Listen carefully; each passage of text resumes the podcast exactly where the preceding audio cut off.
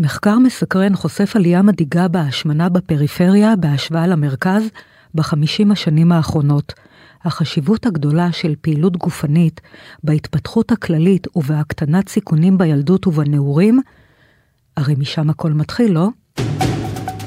אתם מאזינים למשחקי בריאות עם דן ארון ופרופסור איתמר רז. כולם יודעים שבבריאות לא משחקים, אבל יש כאלה שכן. ספורט לא רק מונע השמנת יתר, אלא גם תורם לשיפור דפוסי השינה, קידום הצמיחה, חיזוק המערכת החיסונית והגברת החוסן הנפשי בקרב ילדים ובני נוער. נתוני המחקר שעליו נדבר היום שופכים אור על גודל הבעיה, כאשר הנתונים מציירים תמונה מדאיגה, עם יחס של 1 ל-4 בין הפריפריה למרכז. אתם מאזינים ל-ynet פודקאסטים.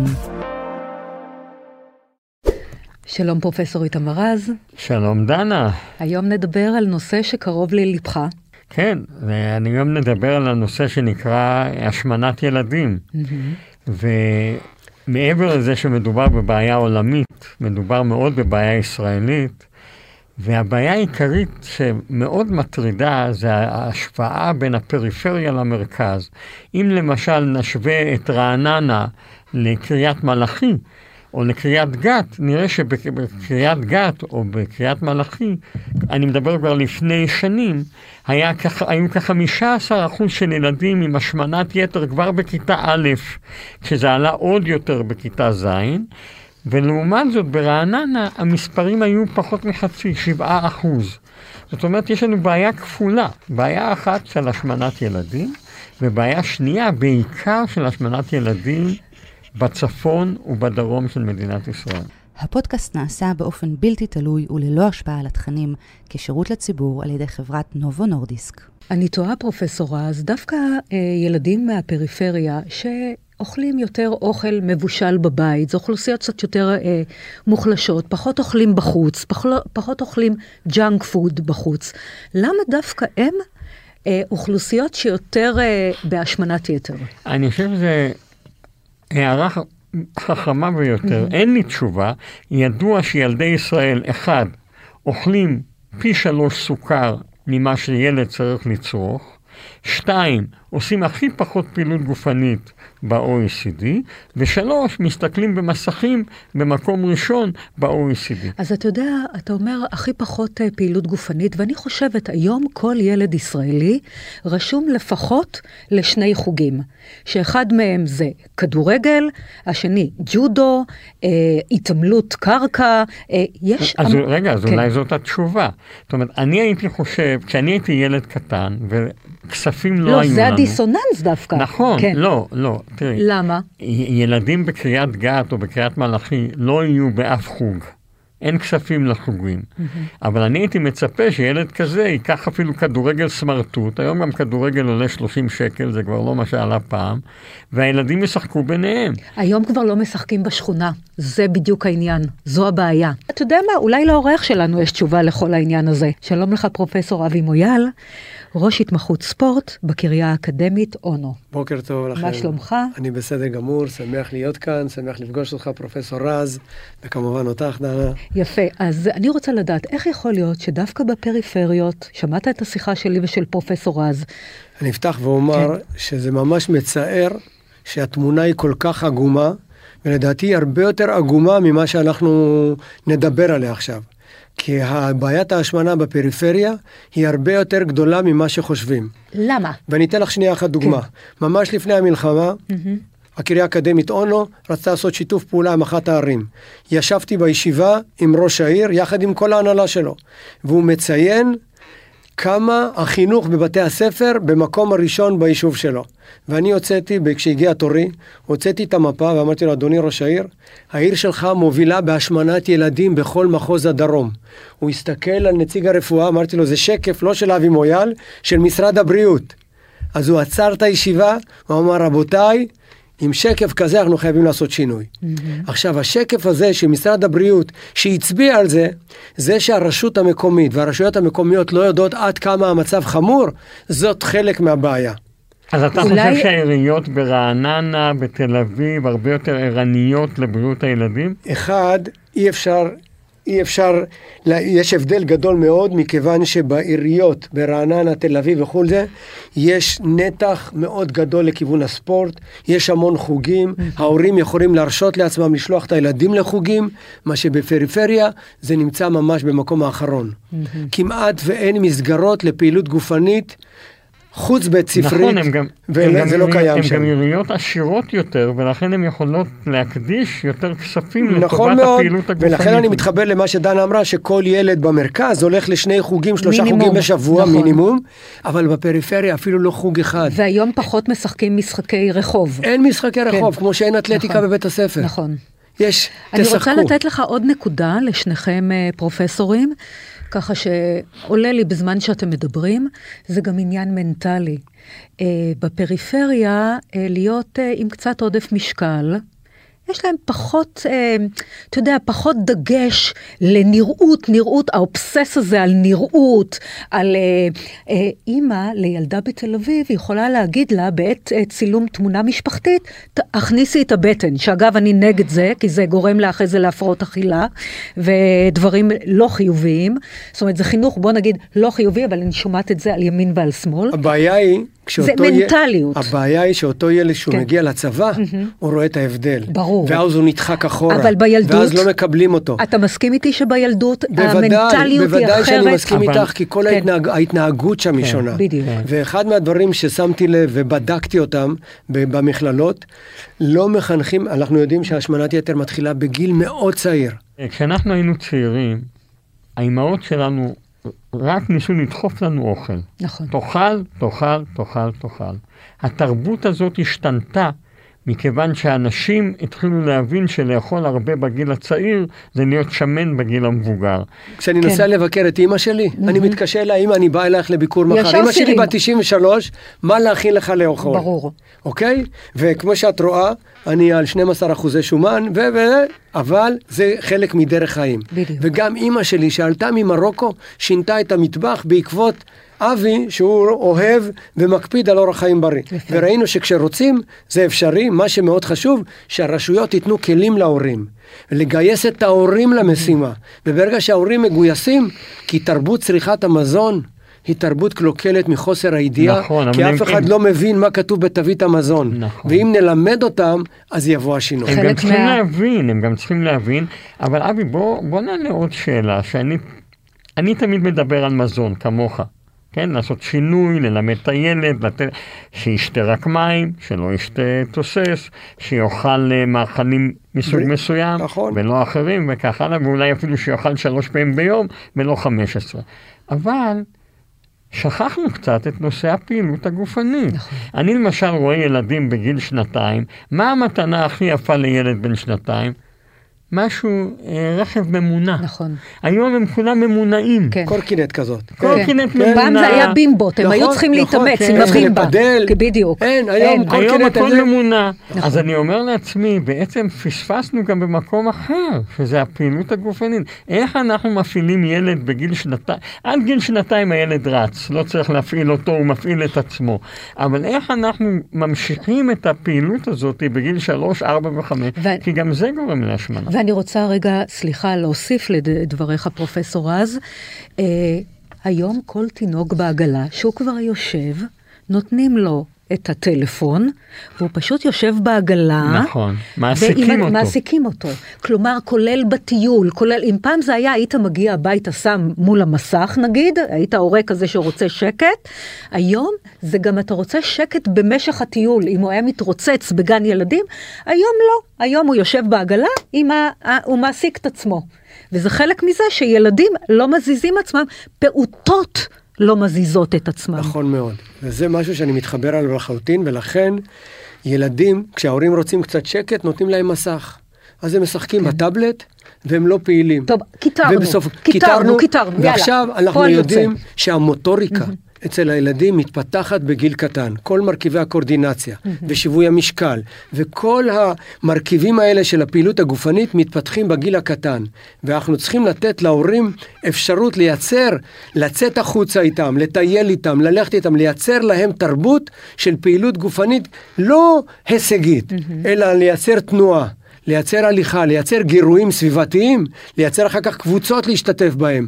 זה מוביל לשינוי. ישנם המון תרגילים מוטוריים שצריך לתת לילדים קצת להתחיל לתרגל. זאת אומרת גיל שלוש-ארבע? נכון, mm-hmm. לדוגמה, שהילד יעמוד על רגל אחת, ישים ידיים, טווס. בואו נסתכל מי יכול לעבוד חסידה, בואו נעצום עיניים, ואז מנגנון שיווי המשקל. דרך אגב זה מצוין גם לאבא ולאימא. בוודאי. אז הנה פעילות שאנחנו עושים אותה ממש בשנייה, הייתי יכול להדגים אותה אם היה לנו פה מס... טלוויזיה גדולה, כן. אבל פשוט לעמוד כמו חסידה. ולעצום עיניים לספור עד חמש, ואז אנחנו רואים מה קורה לנו, הילדים, ההורים מאבדים שיווי משקל. אגב, ההורים מאבדים יותר מהר, מכיוון שהמנגנון של שיווי משקל אצלהם הולך ודועך, ולכן גם להורים מאוד חשוב. עכשיו, לשלב בתרגיל חסידה הזה פשיטת ירך קדימה ואחורה. ואז זה נותן לנו תרגול קורדינטיבי, גם מערכת הקורדינציה, התיאום עצבי שרירי עובד. כמה זמן צריך לעשות את התרגיל הזה? אני ממליץ מאוד כל יום עשר דקות. כל יום עשר דקות מביאים שינוי וזה מדהים. וזה גם אה, אה, דינמיקה בין ההורה לילד. בוודאי, כל המשפחה, ילדים, ברור, בואו נעשה עשר דקות לפני ארוחת ברור. הערב, תרגילים. דרך אגב, יש עוד דבר. אחת התכונות שלנו זה תמיד לנסות ולא ללכת. זאת אומרת, אנחנו מגיעים עם מכונית למקום מסוים, אנחנו נחפש את החנייה הקרובה ביותר. לא ניקח חנייה במרחק 200 מטר ונלך קצת. אנחנו, יש לנו מעלית, לא נעלה במדרגות. וזה גם דבר שמשפחה יכולה לסגל, זאת אומרת זה מצוין להורים, זה מצוין לילדים, ואתה בעצם עושה סוג של מוטוריקה. הפודקאסט נעשה באופן בלתי תלוי וללא השפעה על התכנים, כשירות לציבור על ידי חברת נובו נורדיסק. לחלוטין, אני אתן לך דוגמה. אני מבקר את הנכדים שלי, ואני בגילאי 6-8, ואני שאלתי אותם, ספרו לי מה עשיתם בבית הספר. אז מה הנכדה שלי אומרת לי? לימדו אותנו אתמול לאפות עוגה. עכשיו, יכול מאוד להיות שלאפות עוגה זה נהדר, אבל אני הייתי מאוד מצפה שהיא תגיד לי, הוציאו אותנו להליכה לפארק הכלניות. המחקרים הראו לאחרונה שאדם שזז, נניח, של... כל פעם שהוא זז, הוא זז מעל דקה, כבר זה מוריד לו ב-30% את הסיכוי למחלות לב בעתיד. אבל מה זה זז? זז זה אני עושה ככה בכיסא? לא, או נניח- זז זה כאילו לא, פעילות לא, שמעלה נניח דופק? הבעיה שקיים, מה שנקרא, כן. חלק גדול מהמחלות נובעות מאורח חיים יושבני. נכון, אנחנו עד התרבות כמה- הזאת של ישיבה המון לדקה. שעות. צודק. את הולכת לשירותים למשל, אני אתן לך דוגמה, כן. אפילו פה. כן. יש דרך מקוצרת ויש דרך ארוכה. אתה הולך בארוכה? פרופסור רז הולך כל הזמן בארוכה. מדהים. הארוכה לוקחת לו בדיוק 34 שניות, כן? זה לא... אז יש היום מחקרים שמראים, מעבר למה שאבי אומר שהוא כל כך חשוב, שפעילות גופנית מאומצת של 6 דקות ביום יכולה לשנות דרמטית את מצב המוח שלך. ושש דקות כולם יכולים לעמוד בזה. בוודאי, יכולים- בוודאי. צריך לשנות להורים את הדיסקט, כי מאוד חשוב לגייס את ההורים. ההורים הם גם מודל, ומאוד חשוב שההורים ישמשו מודל גם בזה. לא יצא מצב שאבא יושב עם מפצח ואומר לילד תעשה כן, ספורט. תעשה זה לא ספורט, עובד. ברור, ברור. בוא נעשה ביחד. בוא נדבר רגע על עוד נקודה שיכולה לדרבן הורים וילדים. התמודדות עם לחצ... לחצים ואתגרים יומיומיים של ילדים ובני נוער. עד כמה ספורט יכול לתרום בעניין הזה, של הוצאת אגרסיות, של ילדים עם הפרעות קשב וריכוז, או ילדים היפראקטיביים, או, או לא ילדים, ילדים ללא שום הפרעה, אבל להוציא קצת אנרגיה. מאוד חשוב שנזכור שהשתתפות בספורט מלמדת אותנו שהיא נותנת לילדים המון כלים של כישורי חיים. שזה נת- דבר שהוא ממש יקר ערך, כמו עבודת צוות, עבודה בקבוצה, משמעת, ניהול זמן. הספורט נותן לנו פלטפורמה לילדים להתמודד עם המון אתגרים. אנחנו כל פעם יכולים לתת להם עוד קצת אתגרים. זה מפתח הרבה מאוד יכולות שאחר כך מלוות אותם ואינטראקציה בכלים גם, לחיים. אינטראקציה וכמובן חברתית. אינטראקציה. נכון. הם גם לומדים להתגבר על כישלונות. החוסן המנטלי והחוסן הנפשי שלהם נבנים. הם לומדים להתמודד עם כישלון, ולכן הכישלון הזה מוביל למקום שהחוסן הנפשי מתחזק, החוסן המנטלי מתחזק, כי הנה הצלחתי בפעם הרביעית ואחר כך אני אצליח בפעם השלישית. כל האתגרים האלה בעצם מאפשרים לילדים אני, להתמודד אני עם רוצה הארסנל. להוסיף שני דברים. קודם כל על הבת שלי. הבת אוקיי. שלי בקורס קצינים. היא קצת נמוכה, ויש קיר מאוד גבוה. היא מצלצלת אליי יום אחד, מטר שמונים הקיר. כן, היא אומרת לי, תשמע, הכל הלך טוב, אבל את הקיר עברתי רק בפעם החמישית. אמרת, "אז אם אני הייתי המפקד שלך, הייתי אומר שאת הכי מתאימה להיות קצינה, כי לא ויתרת, פעם, פעמיים, עד שעברת את בהחלט, הקיר. בהחלט. אבל אני רוצה להוסיף עוד דבר לשאלה המצוינת שלך. אני, כשאתה עושה פעילות גופנית, אתה מעלה מאוד את רמת הסרוטונין במוח. והעלאה של רמת הסרוטונין במוח פירושה שלווה, ריכוז, שמחת חיים, יכולות. זאת אומרת, מה שדנה העלתה פה... זה משחרר אנדרופינים במוח, כן, ברור. כן. מה שדנה העלתה פה, שדווקא דווקא פעילות גופנית יכולה לנסוך בך את היכולת לג- לשלוט הרבה יותר טוב, מעבר לכל מה שאתה אמרת, אבי, של החבורה, של הזה, שהוא מאוד מאוד נכון. ואיפה נכון, כל עניין ומא- היציבה גם, בוודאי. כשאתה עושה ספורט, אתה בדיוק, היציבה זקוק. משתפרת, השרירים משתפרים, מתחזקים, סיבי השריר מתרבים ולא, סיבי, ולא תאי השומן, ואחד הדברים שבדרך כלל לא מדברים עליהם, זה נושא של שינה. אנחנו יודעים שמרבית ההורמונים מופרשים בשינה. במיוחד... של גדילה וכולי. של גדילה, במיוחד ההתפתחות של הילדים. והמון פעמים הילדים סוגרים את הדלת ונשארים ערניים עם החברים שלהם. ארבע בבוקר, או ישנים מעט בצפים, מאוד, כן. אין הפרשות של כל ההורמוני גדילה. ואז הם, וה- אה, כן, בדיוק, לא ואז. מתחילה מה לא שנקרא. הידרדרות, כי אתה גם יושב בחדר, הולך למקרר, חוזר, לוקח משהו, ההורים כבר ישנים, והתרבות הזאת הולכת ומושרשת. הם הולכים, הם גם נכנסים למיטה עם הפלאפון. בדיוק. ואני זוכר במשפחה היקית שלי, שאם אני הייתי נכנס למיטה והייתי רוצה לקרוא, אז הייתי עם פנס. היו באים ואומרים לי, לא, עכשיו הולכים לישון." לישון. פעילות גופנית מספקת פורקן ללחץ ולתסכול לפעמים, והיא מקדמת מאוד את הרווחה הנפשית. נכון. לגמרי. אני רוצה להגיד לך, איך אני? אני זקופה? מאוד. תמיד אומרים לי, את מאוד מאוד זקופה, מה זה? זה לא... עכשיו, כל הקונץ זה מגיל אה, 6 עד גיל 13-14, למדתי בלט קלאסי. שתבין, זה הכל. מאז אני קצת פדלה, לא נעים לי להגיד, לידך, פרופסור מויאל, לא חשוב, אבל היציבה שלך נשמרה עיצב- מאוד. אני בת 52, בבקשה. ואני עדיין זקופה, אז לכן קחו את זה בחשבון, זה מאוד מאוד תורם, כל הילדות שלנו. ולכן אמרנו. שהגוף זוכר, ועובדה. את יושבת עכשיו נכון. מאוד זקוף, כי. הגוף זוכר. רגע, אני רוצה יש- לדבר על טיפול. אחת, כן. יש עוד בעיה שהיא מאוד חשובה. בבקשה. כשאתה לא זקוף, המשמעות היא בעיות גב קשות. נכון. 50% מהאוכלוסייה סובלת מבעיות גב קשות. מה עושים כדי לתקן בעיות גב קשות? אני ראיתי שהזדקפת עכשיו. כן, לא, ממני. מה עושים, מה עושים? לא הולכים לאורתופד, או כי זה לרוב כן. לא עוזר כל כך הרבה. עושים מה שנקרא, יש שיטות שונות שמלמדות אותך ללכת זקוף, ראש, לפנים ולמעלה. איך, איך, מה השיטה? אני אגיד לך אם אתה צודק. השיטה היא מאוד פשוטה, נו. במקום להסתכל על הרצפה, תסתכל על איזה שלט למעלה. ואז אתה זקוף. Mm. למעלה? אז בוא אני אלמד אותך. בבקשה. אני אלמד, זה קדימה. של בלט. זה בגלל בעיות הגב שלי. אה, קדימה. אוקיי. אז ככה, קודם כל אתה עומד, מוש... עושה כמה תנועות אה, בשכמות בכתפיים, אחורה. בשכמות אחורה בדיוק, ואז אתה מוריד אותם ושומר אותם למטה. מעבר לזה, אתה לוקח אוויר, מוציא מנשימת בטן, מוציא את האוויר, בעצם מכניס בטן, ואז רוב הבנות, במיוחד בנות, קצת עושות עיגול בגב. סיבוב של. האגן כלפי- יפה, בדיוק, פרופסור עושים. מויאל. שלא להיות ברווזות עם הטוסיק בחוץ, אלא קצת סיבוב של האגן, אגן, ואז- בטן זה, שכמות למטה, ואז, לא קשור למבט, פרופסור רז, אתה מדמיין שיש לך כוס מים על הראש, פה, אהה. ואז באופן טבעי, אתה אתה, הולך ישר, גם אם אני נכון? אסתכל למעלה, למטה, זה בדיוק המנח, אוקיי? הטיפ האחרון שהייתי כן. משלים כן. לכל מה שתיארת בבקשה, פה, שזה היה מצוין. כן. זה לחיזוק, לחזק את שרירי הקור. לחזק את שרירי הבטן, הבטן תומכת לנו בגב. יפה. וכשיש לנו בטן חזקה, הגב שלנו גם חזק, כי אנחנו יושבים יציב, יש לנו בטן חזקה, היא שומרת לנו על כל, כל החלק המותני של הגב, שיש לנו הרי קיפוזה ולורדוזה, היא שומרת מאוד על הלורדוזה, על האזור המותני שלנו.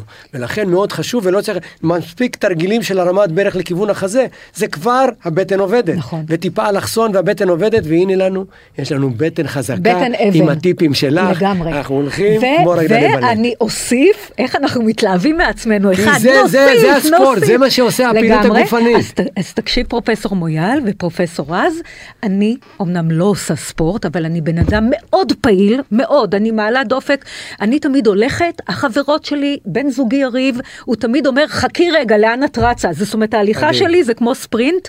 רגע, גם כשאני יושבת פה עכשיו איתכם, זה כבר במוח, ב-DNA, יכול להיות שלמדתי בלט, אז, אז, אז היו אומרים לנו בטן, גם עכשיו הבטן בפנים. לא כי אני מכניסה בטן שלא יראו במצלמה. השרירים עובדים גם כשאני בישיבה.